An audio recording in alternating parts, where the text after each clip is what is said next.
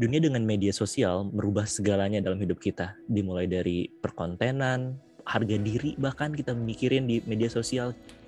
Bersama gue hari ini Dava Wahyu dan Intania Ayu Mirza dari Broadcasting UI akan share gimana caranya untuk bikin konten sampai dunia broadcasting yang kita pikir kayak hmm kayaknya gampang, tapi itu sebenarnya enggak. So, Dava Wahyu and Ayu Mirza, welcome to the podcast. Yeay. Hai. Hai, so um, para audiens, teman-teman teman obsesif. Oke, halo semua. Um, jadi Dava dan Mirza ini pertama aku kenal dari tempat magangku sekarang yaitu Kompas Gramedia.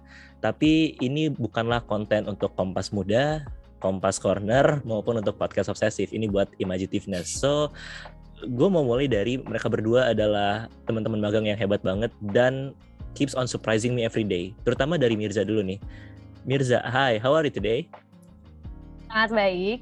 Kebetulan magang sedang baik-baik aja lautnya. Nggak ada supervisornya kok, Mir, santai aja. Kalau lu sendiri gimana kabarnya? Tentu baik dan deg-degan karena balik lagi nge-podcast di sendiri itu kayak deg-degan, men. Kan biasanya tuh dibatasin kan 30 menit ada timestamp. Terus kayak sekarang, oh wow, gue bebas ya. Oke, okay, Mir, um, you keep surprising everyone every day. Dari tiga bulan content writer, terus ke social media spesialis, you surprising everyone. Tapi gue mau dikagetin lagi oleh lo sekali lagi. Second place winner, most intrigue idea, non-drama program design untuk televisi di Epicentrum Unpad. Ide apa yang lo kasih waktu itu? Oh my god, gue kaget lu sebutnya gitu. Gue gua gua nggak expect lu nanyain lu lu tahu itu sih sebenarnya itu waktu itu gue bikin program bertiga sama temen gue. Programnya adalah untuk gimana caranya anak-anak di Indonesia secara rata bisa dapetin pelajaran sama seperti anak-anaknya di kota misalnya. Dari yang di kota sampai pedalaman maksudnya gitu. Dengan tema ala-ala agent, secret agent gitu. Kita pengen bikin gimana caranya supaya seolah-olah nih sinkronus tapi se-Indonesia. Karena kita nggak bisa ngumpulin anak dari Aceh sampai Papua bareng-bareng di lokasi syuting. Dan kebetulan itu kan pandemi juga. Solusinya adalah kita mengundang uh, anak-anak itu ikut kelas online gitu. Jadi mereka ikutan syuting, but online. Tapi pengajarnya adalah uh, dari profesi yang macam-macam. Dan itu anak-anak yang diundang, kita berharapnya anak-anak dari berbagai macam provinsi bisa join di situ gitu. Ikut kelas dan excited buat ngikutin tiap harinya. Kenapa dikasih tema agent? Karena kalau biasa-biasa aja apa bedanya sama yang udah dari TV gitu gue nggak bisa sebut itu acara apa ya gitu I see, wow. I think gue rasa ke depannya episode ini kita bakal terus-terusan dikagetin sama Mirza. That was a cool idea actually. So, thank you. Dava. Yes, what's up? Dari obrol-obrol lo cerita soal uh, tugas lo yang kayak pertama bokap lo bangun nonton TV, tiba-tiba uh, bibi lo ya pakai yang lu masak tempe, terus ada ondel-ondel nakring 10 menit. Sampai ke Behance uh, Behance lo di mana lo bikin uh, fanmade video buat Yura Yunita. Kenapa waktu itu milih oh. lagu Yura Yunita? Iya, iya. Wow, wow, wow. Oke, okay. um, itu uh, sebenarnya Yura Yunita itu juga karena tugas itu ya itu juga Mirza sebenarnya ngerjain cuman kita beda kelompok aja waktu itu jadi waktu itu di semester 1 itu ada di matkul apa ya Mir gue lupa deh itu produksi uh, perancangan televisi. ya perancangan hmm. program televisi sebenarnya Iya, perancangan program televisi, iya. Betul. Nah, itu salah satunya adalah salah satu tugasnya itu kita suruh bikin video klip ya satu kelompok itu cuman dijatah berempat ya waktu itu gua. Dari mulai pra produksi sampai pasca produksi itu cuman dikasih waktu satu minggu jadi ya udah berempat itu aja. It was fun gitu. Walaupun buat tugas tapi kita nating tulus aja ngambil seru-serunya karena waktu itu kan masih offline ya. Jadi ya keliling-keliling Jakarta dan segala macemnya itu kita ngambil serunya. Dan kenapa Yura Yunita? Karena nggak tahu mungkin karena suka aja kali ya Iya iya kayaknya kayaknya emang karena referensinya juga yang kita suka jadi kita sedikit tiru lah gitu. I see. Tapi emang lagunya catchy sih, cocok banget menurut gue buat Porto karena bikin orang tuh happy nontonnya menurut gue. Yes, yes. Oke, okay, cool, cool. So dari kita mau bahas banyak soal broadcasting nih. Cuman gue mau mulai dulu dari dari bentar ya gue mau motong ini sponsor dulu karena nggak ada sponsor aku. Resmi sialan. Tupperware. langsung di blur dong. Ih keren banget nih zoomnya kan Zia. Tupperware langsung di blur. Coba, Emang- coba kita coba. Baseus, Baseus. Oh, di blur juga. Emang dia sponsor eh, ini dia sponsor apa namanya sensornya tuh kenceng ngeh dia Wah. tuh kan Bener kan? Indah sampai dan Indah dan Fikri loh. Bukan Coba kita coba. Popo Studio, Popo Studio, Popo Studio. Iya ilah. Produk sendiri. Jangan di crop Popo Studionya ya. Langsung masuk ini. Eh, spot ads. Oke, kita mulai dari kenapa lo berdua ambil broadcasting? Oke. Kenapa ngambil broadcasting? Eh itu gua kenapa jatuh cinta ya dalam kutip jatuh cinta ke broadcasting itu sebenarnya dari gua kelas 5 SD kan dari kelas 5 SD karena gue itu ngefans banget sama The Dendis Danang Darto dulu siaran di Prambors. So gue fanboy Prambors lah ibaratnya kayak gitu ya waktu waktu saat itu. Saking ngefansnya sama Danang Darto itu siaran di Prambors gue jadi penasaran sama belakang layarnya radio gitu. Belakang layarnya radio dan sempat terpikir juga untuk menjadi announcer radio. Terus ya di situlah kepupuk gitu loh ketertarikan gue terhadap dunia media kreatif dan segala macamnya. Sampai di SMA juga gue masuk ke eh, ekskul jurnalistik gitu ya media jurnalistik. Di situ makin kebakar lagi karena di situ kan kita pasti eh, making something gitu ya. Dan belajar juga. Dan eh, karena merasa di SMA itu gue tiga tahun salah jurusan ya by the way gue IPA dan otak gue tuh hafalan banget gitu. Eh, tapi ya udah kecemplung mau gimana ya dapat kesempatan buat nyoba jalur PPKB di UI ya, ya, ya masukin gitu lewat jalur rapot masuk ke broadcast dan alhamdulillahnya sih keterima dan sangat-sangat nyaman. Gue gue menemukan diri gue di sini gitu karena eh, jatuh bangun gue di SMA juga secara akademis tapi akhirnya gue bisa balas dendam juga di kuliah gitu ya. Nggak apa-apa lah tiga tahun di SMA salah jurusan kayak gitu sih gitu. Cuman secara idealisme ya memang itu udah dari lama SD bahkan kayak gitu tertarik sama bidang broadcast dan alhamdulillah memang tempatnya di broadcast gitu Oke, cool, cool. Berarti lo dulu ngikutin yang eh, acara mereka berdua tuh apa tuh Dap yang di Net TV? Ah, the comment ya Ya, salah satunya ya. juga ngikutin the comment iya Ya, tiap di komen. Wow, cool. Kalau lu gimana Mir? Sebenarnya sama kayak Dava. Nggak Tiga bisa tahun. sama dong. Kan dulu. Oke.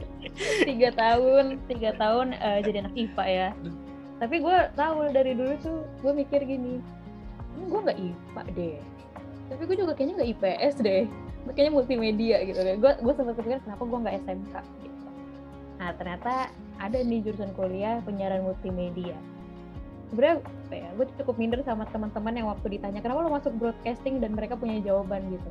Kayak Dava tadi kan dia punya jawaban dia dari kelas 5 katanya suka The Dendis gitu. Nah gue nggak ada referensi kesukaan seperti itu. Gue gue sesimpel karena dulu gue pas SD seneng banget ngeliat ini. Kalau lo tau kan kredit scene eh, misalnya abis acara Trans TV gitu. Yap, terus yap. lo lihat ada kru-kru di belakang pada pakai baju Trans TV yang hitam Kayak lo cool gitu. Terus gue kayak eh, gue kayaknya pengen deh kerja kayak gitu. Terus gue ada satu momen gue pengen jadi kayak gue kayak pengen deh jadi penyiar radio. Tapi tentu itu lewat terus gue kayak gue pengen deh jadi anggota DPR gue pengen deh jadi tukang.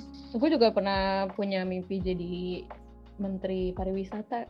Jujur ya namanya juga anak SMA random banget kan. Cuma itu sih yang anehnya memotivasi gue gue seneng ngeliat eh, bagaimana kredit scene eh, di Trans TV gitu-gitu memotivasi gue gue ngeliat krunya kayak sibuk banget ngehandle kanan kiri gitu dan langsung berhubungan sama orang-orang yang cuma biasa kita lihat di depan layar itu terlihat sangat fun gitu Wow, jadi love language lu nonton credit scene. anjir aneh banget Tapi keren sih, maksudnya wow. Uh, wow, wow, cool, cool. Gue gak tau mau gerak ke mana nih, karena kayak satu credit scene, satu Danang Darto. Masih tengah-tengahnya. abstrak Oke, jadi credit scene Danang Darto gimana, Mir? Kreditnya Danang Darto dong. Komen ya. Oke oke. So uh, satu kredit scene dan satu dari Danang Darto. Kalau teman-teman yang lain ada nggak sih motivasinya yang juga lu masih inget gitu? Ada ada nggak yang mimpinya tuh aku pengen jadi selebgram kak? Pas Oh, ditanyain. ada Bukan selebgram sih, tapi lebih ke artis. artis ya, artis. Oh, see. emang- Ya, Teman-teman kita tuh punya kevokalan yang gimana ya? Pede kepedean itu sih. Kayak ya gue pengen jadi artis deh kayak gitu. iya benar. Hmm, hmm. Eh, Oke, Eh, begitu lo baru masuk broadcasting nih, itu kayak di dasarnya di semester awalnya tuh diajarin semua atau dia langsung kayak penjurusan gitu? Oke, jadi sebenarnya karena kita vokasi ya, Hmm. karena kita D3 dan dari awal eh, nama jurusannya udah sangat spesifik gitu, penyiaran multimedia. Yang mana sebenarnya kita itu pemecahan dari komunikasi. Jadi di vokasi itu ada penyiaran multimedia, periklanan kreatif dan hubungan masyarakat. Itu kan udah sangat spesifik gitu. Jadi yang kita pelajari memang sudah fokus di situ. Dari semester 1 sampai semester 6 kebetulan untuk seluruh mahasiswa di prodi tersebut pelajarannya sama. Sebenarnya gue juga cukup berharap kalau eh, kan ada ya yang jurusannya pakai mayor minor ya. Kayak misalnya mayornya adalah editing, minornya tuh kamera gitu misalnya. Tapi kebetulan sih kalau di vokasi UI kita dituntut untuk bisa di depan dan belakang layar gitu. Iya, versatile banget. I Ya. see, wow wow. Terus gimana lo berdua nentuinnya kayak, oke eh, Dava gue mau fotografer atau kayak Mirza gue mau fokusnya di social media aja gitu. Like is it something yang emang lo sendiri nentuin atau kayak gimana? eh itu sih mungkin there's a plus and there's a minus ya kak kalau nggak ada major dan minornya kayak gitu Eh, karena kita mempelajari semua yang nge-define itu akhirnya diri sendiri sih kan Hmm. kayak gitu jadi di semester 1 kita eh, sempat belajar kayak pengantar komunikasi di semester 2 juga ada psikologi komunikasi gitu tapi di samping itu semua juga kita belajar tentang sosial media gitu produksi media multi platform yang kita harus pelajarin kayak eh, gimana caranya mendistribusi eh, si produk ini si konten ini ke berbagai macam platform gitu. Kayak misalkan sekarang podcast nggak cuma di Spotify tapi ada di YouTube ada di mana di mana dan segala macamnya. Dan nggak yang kayak fokus di kamera. Tentu kita belajar kamera gitu. Kita ada matkul teknik kamera pengantar fotografi di semester 1 penyutradaraan juga ada kayak gitu. Basic basicnya aja gitu. Nanti yang memperdalamnya ya diri sendiri gitu. Kayak misalkan gue kadang itu juga terbentuk di tugas kelompok ya. Dipecah-pecah gitu. Eh siapa nih yang mau ngedirect? Siapa nih yang mau uh, megang kamera? Siapa yang mau jadi aktor? Dan lain-lain gitu. Kita juga diajarin jadi announcer kayak gitu. Lewat uh, matkul olah suara dan penyajian voice talent dubber. Jadi semuanya gitu semuanya mulai dari yang di depan layar sampai yang kita ngerancang dan ngedistribusi itu pelajarin semua yang ngedefine ya balik lagi ke diri sendiri lo fit innya di mana? Kayak gitu sih.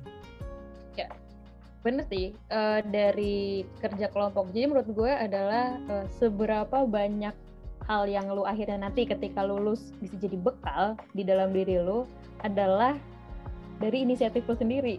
Kalau lo selama tiga tahun ini misalnya nggak pernah memposisikan diri lu sebagai kameramen atau misalnya lu nggak pernah memposisikan diri lu sebagai host atau sebagai voice over talent gitu kan itu kan pasti ada banyak banget eh, posisi-posisi yang bisa lo explore. Ya maka lu akan stick dengan yang lu nyaman aja gitu.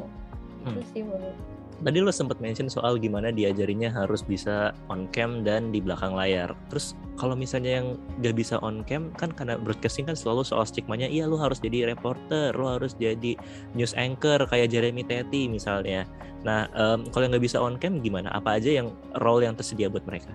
banyak sekali ya jangan takut kehilangan tempat atau kehilangan spotlight di broadcast ya menurut gue sekecil apa pun itu gitu karena ya we work as a team gitu nggak ada satu spotlight yang bener-bener berharga di sebuah produksi gitu ya. Talent gitu atau misalkan yang on cam ya itu adalah bagiannya dia sendiri gitu. Terus editor ya kalau nggak dia ngedit gimana caranya mengolah konten itu kan kayak gitu termasuk kayak clapper. Clapper tuh yang tau gak sih yang biasa di film dicetek-cetekin gitu loh. Itu penting karena clapper itu gak sekedar nge-clap loh. Ternyata dia tuh harus uh, nyatetin itu di SD card yang nomor berapa scene berapa slate berapa direkturnya siapa day or night interior exterior. Nggak semua orang bisa paham akan itu gitu. Padahal cuman nge-clap uh, clapper doang. Itu namanya clapper ya beda hmm. terus ya tukang kabel. Beneran waktu uh, di matkul teknik kamera ya waktu itu gue lagi belajar soal tata cahaya. Ternyata ngegulung dan uh, mengurai kabel itu nggak bisa sembarangan loh. Dan cableman di sebuah produksi itu ternyata berpengaruh penting gitu. Gaffer tukang lighting dan segala macamnya. Itu ternyata punya ilmu yang tersendiri dibanding uh, ilmu-ilmu yang lain kayak gitu. Misalkan tata cahaya itu sendiri jadi matkul ibarat kata. Tapi tetap sih kalau dibalikin lagi ke kita sebagai mahasiswa broadcast gitu yang porsinya memang dia itu nggak terlalu minat di depan layar tetap harus praktek sih tetap ada praktek tetap di encourage untuk bisa announcing ya, jadi news anchor jadi dubber kayak gitu-gitu sih tetap dipelajari. Tapi sekali lagi fokus ya dia yang yang nentuin sih mana kayak kita ya Dev kita kan nggak pernah nongol di kamera betul kecuali jika terpaksa benar sekali Oke, gue suka banget tadi lo bilang spotlightnya tuh sebenarnya nggak cuma di yang depan kamera doang. Kayak tadi uh, nge doang, tapi ternyata ada harus lalala segala macamnya. Wow, it's actually something. Gue jadi penasaran, pernah nggak ada satu kasus gitu buat kalian berdua yang saya tugas nih, terus kayak yang nentuin jalan cerita tuh kayak dua orang atau tiba-tiba ada konflik dalamnya gitu? Hmm, ada sih ada tapi nggak sampai jambak-jambakan pukul-pukulan gitu sih enggak sih. Terus tiba-tiba idenya di nggak diterima terus dipiting gitu pikiran enggak enggak kayak gitu. Lebih yang ya argue aja, discuss kayak gitu sama apa ya rebutan job deh sekali eh jangan gue jangan gue dong yang jadi talent Ella kenapa sih yang kayak gitu-gitu ya. Apa ya namanya? Ya, ya biasa sih maksudnya. Menurut gue hal-hal yang kayak gitu nggak bakalan ada di setiap jurusan atau fakultas atau apa pun yang belum pelajarin sih. Cuman mungkin yang diributin aja beda gitu. Biasa sih klasik sih. Kalau jurusan lu banyak konflik ya kan? Wah jurusan gue ngurusin konflik orang sih men. Oh iya Makanya lu sangat tertarik dengan konflik ya. Kita nggak berantem kita ngurusin masalahnya. Coba lu bayangin. Kalau lu ikut campur emang jurusan gue ini. Gokil gokil. Oke, okay, so nextnya nih, um, jadi ada satu waktu itu gue dengar dari namanya Yuval Noah Harari dia bilang versatility itu key of future jobs. Jadi lu di masa depan tuh nggak bisa lagi nyari kayak oke okay, perusahaan mana yang berkembang, tapi atau kayak um, industri mana yang berkembang, tapi lu tuh harus bisa punya banyak uh, skills gitu. Nah, um, gue pengen lu berdua pamer yourself di sini, kayak skill apa aja yang ada ada di CV lu sampai sekarang selama di broadcasting. Siapa duluan boleh?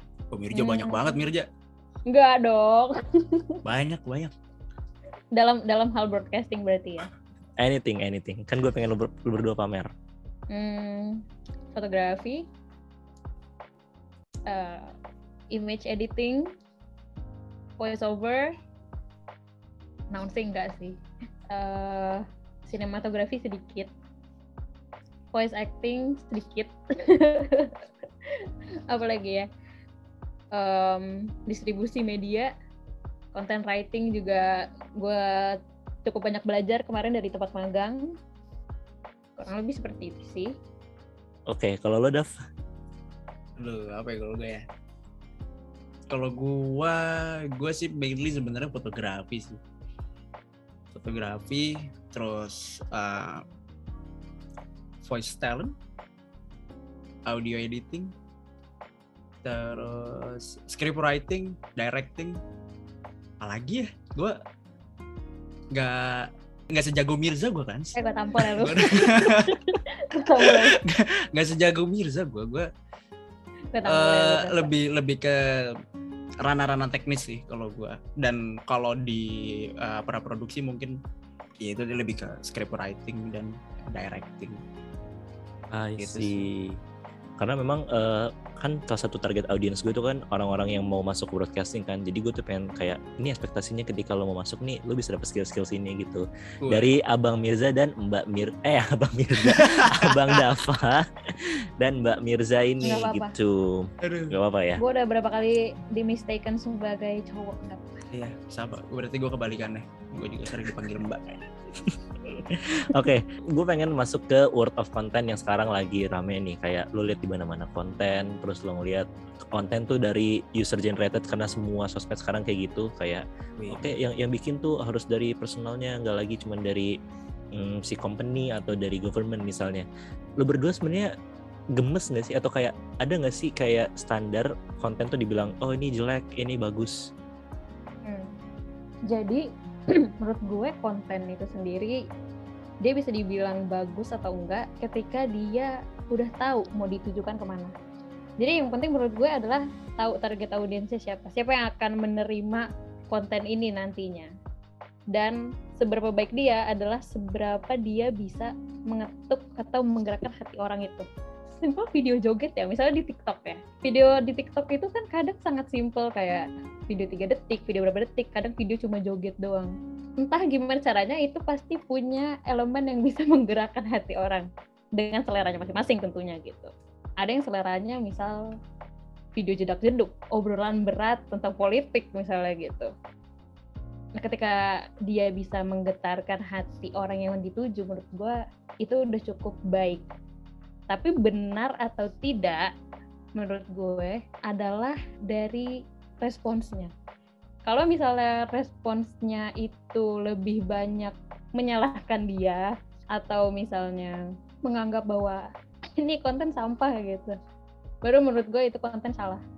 Tapi kan balik lagi salah dan benar itu pendapat pribadi siapa yang menerimanya gitu. Kalau menurut si yang bikin itu benar it could be right. Tapi ketika dihadapin sama orang lain mereka kan punya responsnya masing-masing gitu kan jadi sebenarnya nggak ada aturan pakem sangat abstrak dan abu-abu gitu konten yang baik dan benar itu gimana gitu sih menurut gue Iya, iya, setuju sih gue. Maksudnya tadi yang dibilang Mirza memang tentang ya abstrak sih, nggak ada pakem baik dan benarnya gitu. Cause se semenjak konten itu dilempar ke publik, eh ada yang bilang gitu sih ya.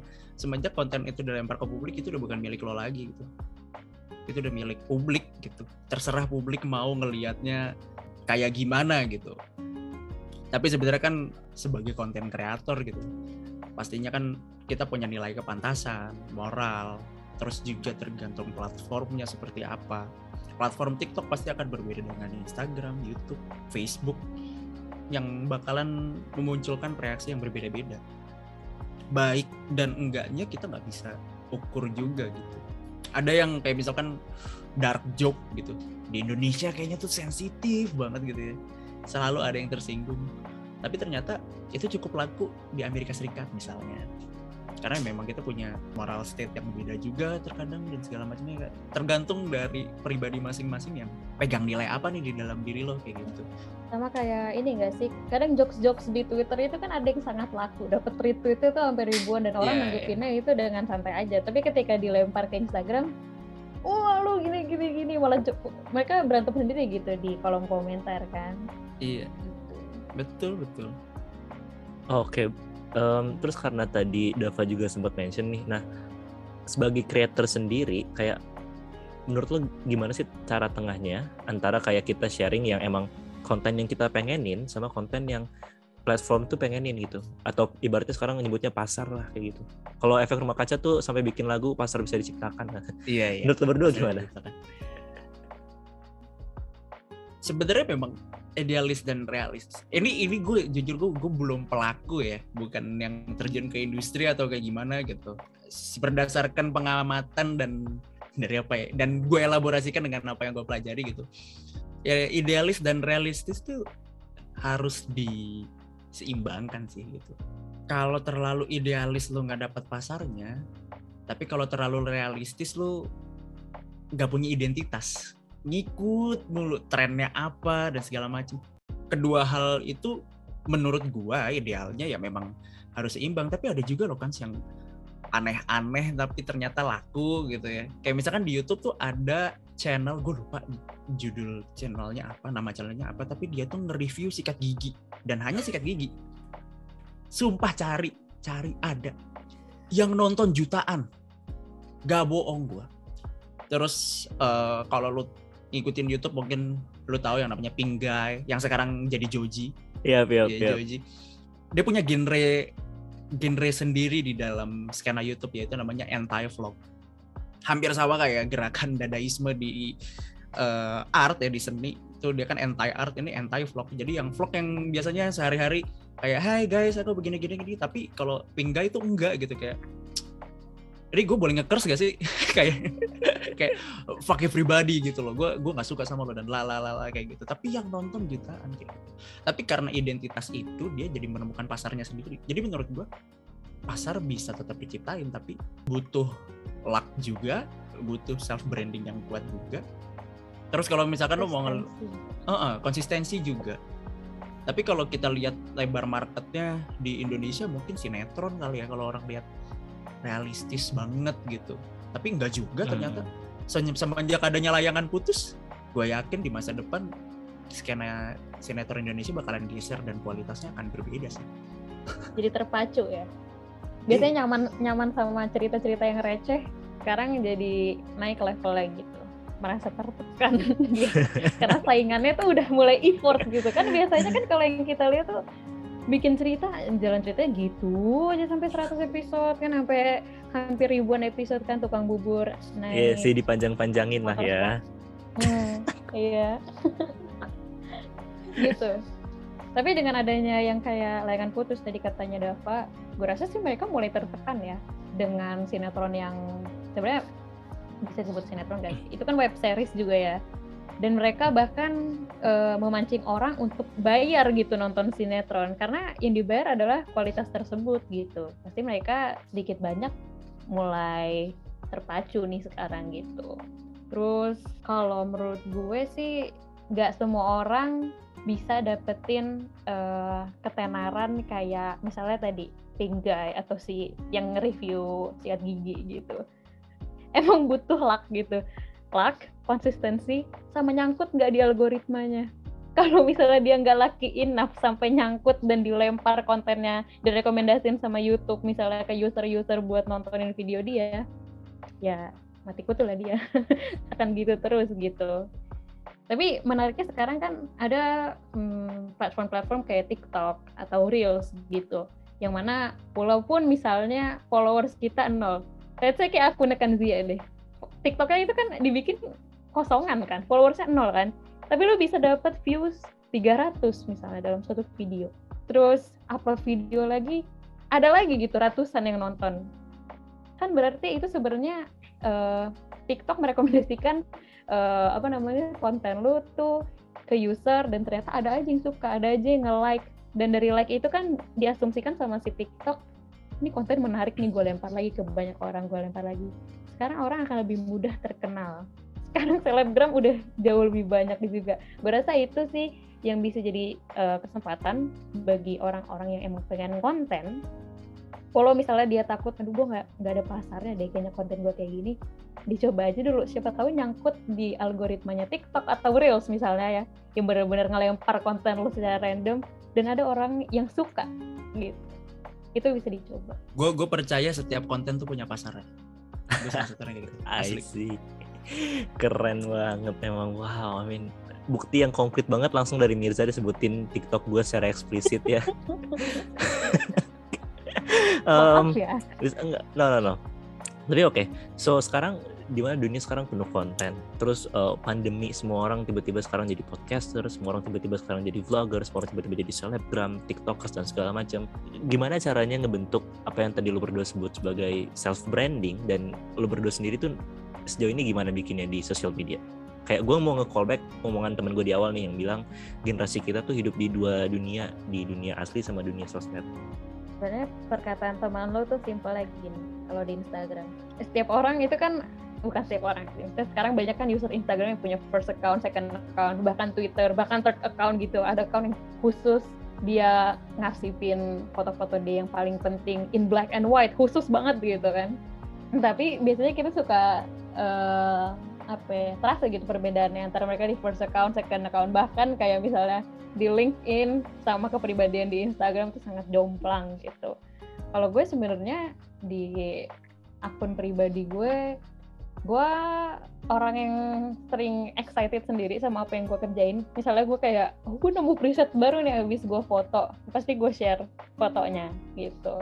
Gue juga punya akun khusus fotografi gue.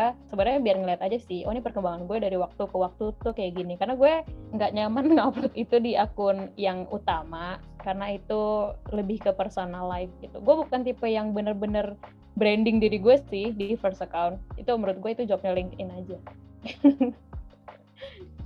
gimana kalau Dava? Iya, Mirza punya berapa akun nih? Enam apa Mir kalau dia bilang? Wah, di spill sama Dava nih Mir. Enggak, enggak, enggak. Bercanda gue. Enggak, enggak. Cuman gue justru malah kebalikannya dari Mirza. Gue termasuk orang yang males bikin akun lain gitu loh. Entah kenapa ribet aja gitu jadi gue ya gue aja di sosial media tapi memang gue sedikit punya kecenderungan kalau di sosial media itu gue gue hanya nge-share apa yang gue suka aja gitu tapi terkadang malah gak ada yang nyangkut dengan kehidupan pribadi gue kayak misalkan gue suka fotografi gitu ya uh, gue suka uh, analog stuff kadang otomotif dan segala macam. Memang gue gue kadang posting itu uh, di di sosial media. Sebisa mungkin ya gue gue gue nunjukin gue aja gitu yang nggak ada bedanya dengan di di sosial media dan di di real life. Karena gue termasuk orang yang nggak nggak terlalu bukan nggak terlalu mungkin malah bahkan nggak percaya sama persona Instagram sih oh ya menurut gue gila lu punya prinsip kayak gitu yang gimana pada akhirnya lu memilih sosmed yang satu sebagai kayak oke okay, uh, eh, gue bisa jadiin ini sebagai diary gue sebentar lagi kayak sebagai ini apa yang gue pamerin karena gue suka ini gitu. Nah uh, gue mau ngasih satu pertanyaan terakhir buat lo berdua. Apa tips yang bakal lo kasih untuk uh, mereka yang baru mau masuk ke broadcasting gitu? Pastiin lo minat sih pasti lo minat sama sama broadcasting gitu. Atau seenggaknya lo riset dulu. Ah, eh, di dalam dunia broadcasting lo bisa bisa belajar apa gitu. Kalau misalkan memang ternyata lo suka kamera gitu atau pengen belajar direct script writing kalau kalian minat dengan segala sesuatu di bidang media atau kreatif ya ini adalah hal yang uh, tepat sih gitu. Broadcasting ini adalah rumah lo gitu kalau skill yang perlu diiniin perlu di, di diasah sebelum masuk sih enggak ya karena lu masuk ke broadcasting ya kan karena ingin belajar dong. Karena pastinya lu bakalan belajar di situ gitu. Nanti lu bakalan menemukan diri sendiri di broadcasting ini. Seenggaknya tertarik sih. Seenggaknya tertarik dulu aja. Oke. Mirza gimana Mir dari lo? Benar tadi bahwa lo harus minat dulu. Karena ketika nggak minat akan sangat sulit ya untuk beradaptasi. Karena di sini kita uh, pengen acquire skill sebanyak mungkin ya gitu. Supaya lo tahu yang mana yang bisa bener-bener lo banget gitu. Terus menurut gue perbanyak referensi. Dalam hal gini loh industri ini kan digital ya semakin banyak orang yang akan ngerjain pekerjaan yang sama kayak lu. Terlepas dia dari jurusan apa aja. Let's say kan dia yang dari hubungan internasional aja starting a podcast. Yang mana belum tentu kita dari anak-anak broadcasting bisa melakukan hal itu. Ketika lu jadi anak broadcasting memutuskan untuk menjadi uh, mahasiswa penyiaran pastikan bahwa lu punya sesuatu yang berbeda dari anak-anak yang memang nggak secara nggak dapat uh, bekal pendidikan yang itu gitu. Tunjukin kalau lo itu one step ahead gitu. Jangan sampai lo yang justru ketinggalan. Ketika lo punya referensi yang banyak itu akan sangat membantu lo sih dalam mengerjakan tugas-tugas ya terutama karena banyak tugas yang formatnya itu kayak template gitu. kayak dari tahun ke tahun oh lo harus bikin music video. Oh lo harus bikin uh, spot ads misalnya. Gimana supaya spot ads itu tahu misalnya gimana biar siaran lo itu nggak gitu-gitu aja, nggak mudah ditiru lah gitu. Sebenarnya itu hal sesuatu hal yang memang nggak cuma bisa dimiliki oleh anak broadcasting tentunya tapi untuk apa jadi anak broadcasting kalau ternyata lo nggak bisa bedain diri lo dari yang memang nggak secara formal mendapatkan pendidikan itu gitu. Super Mirza emang. Gue pengen bikin acara Golden Ways. Super Mirza, you know. Gue kayaknya harus di hire UI buat ini deh, bagian PPKB. boleh, boleh, Ber. Lo tuh tipikal alumni yang bakal dipanggil lagi tahun depan. di orientasi mahasiswa. Oh, Gamir. Oke, okay, anyway keren banget. Thank you banyak uh, Dava sama Mirza. Buat teman-teman yang baru mau masuk broadcasting atau baru minat nih kayak broadcasting kayak gimana sih? Tuh dengerin podcast ini. Pasti dengerin kata-kata dari Mirza sama Dava tuh uh, di mana dia jelasin banyak banget tadi belajar apa flownya gimana kalau ada konflik gimana sampai uh, tips paling besarnya tuh apa sih buat yang baru memulai. So thank you banyak ya Mirza sama Dava buat waktunya. Sami-sami. Terima kasih juga. Terima kasih juga. Kanzia it's an honor to be thank here. thank you thank you Oke, okay. so pembicaraan yang menarik banget karena menurut gue, um, gue punya alasan pribadi untuk undang mereka yaitu versatility tadi, di mana gue merasa anak-anak broadcasting tuh kayaknya nguasain skill tuh gak cuma satu main di CV kayak kalau orang bilang sekarang banyak-banyakin skill di CV ya lu masuk ke broadcasting gitu. Karena semua jadi serba relevan. Lu mau belajar video editing ayo. Videographer jadi scriptwriter jadi audio editor jadi. -se selebar itu range permainannya broadcasting. Dan menurut gue I think broadcasting itu satu field yang sangat sayang untuk dilewatkan, terutama kalau lo mau berkarir di bidang industri atau media misalnya di tahun-tahun mendatang. So, terima kasih sudah mendengarkan podcast Imagitiveness dan sampai jumpa di episode berikutnya.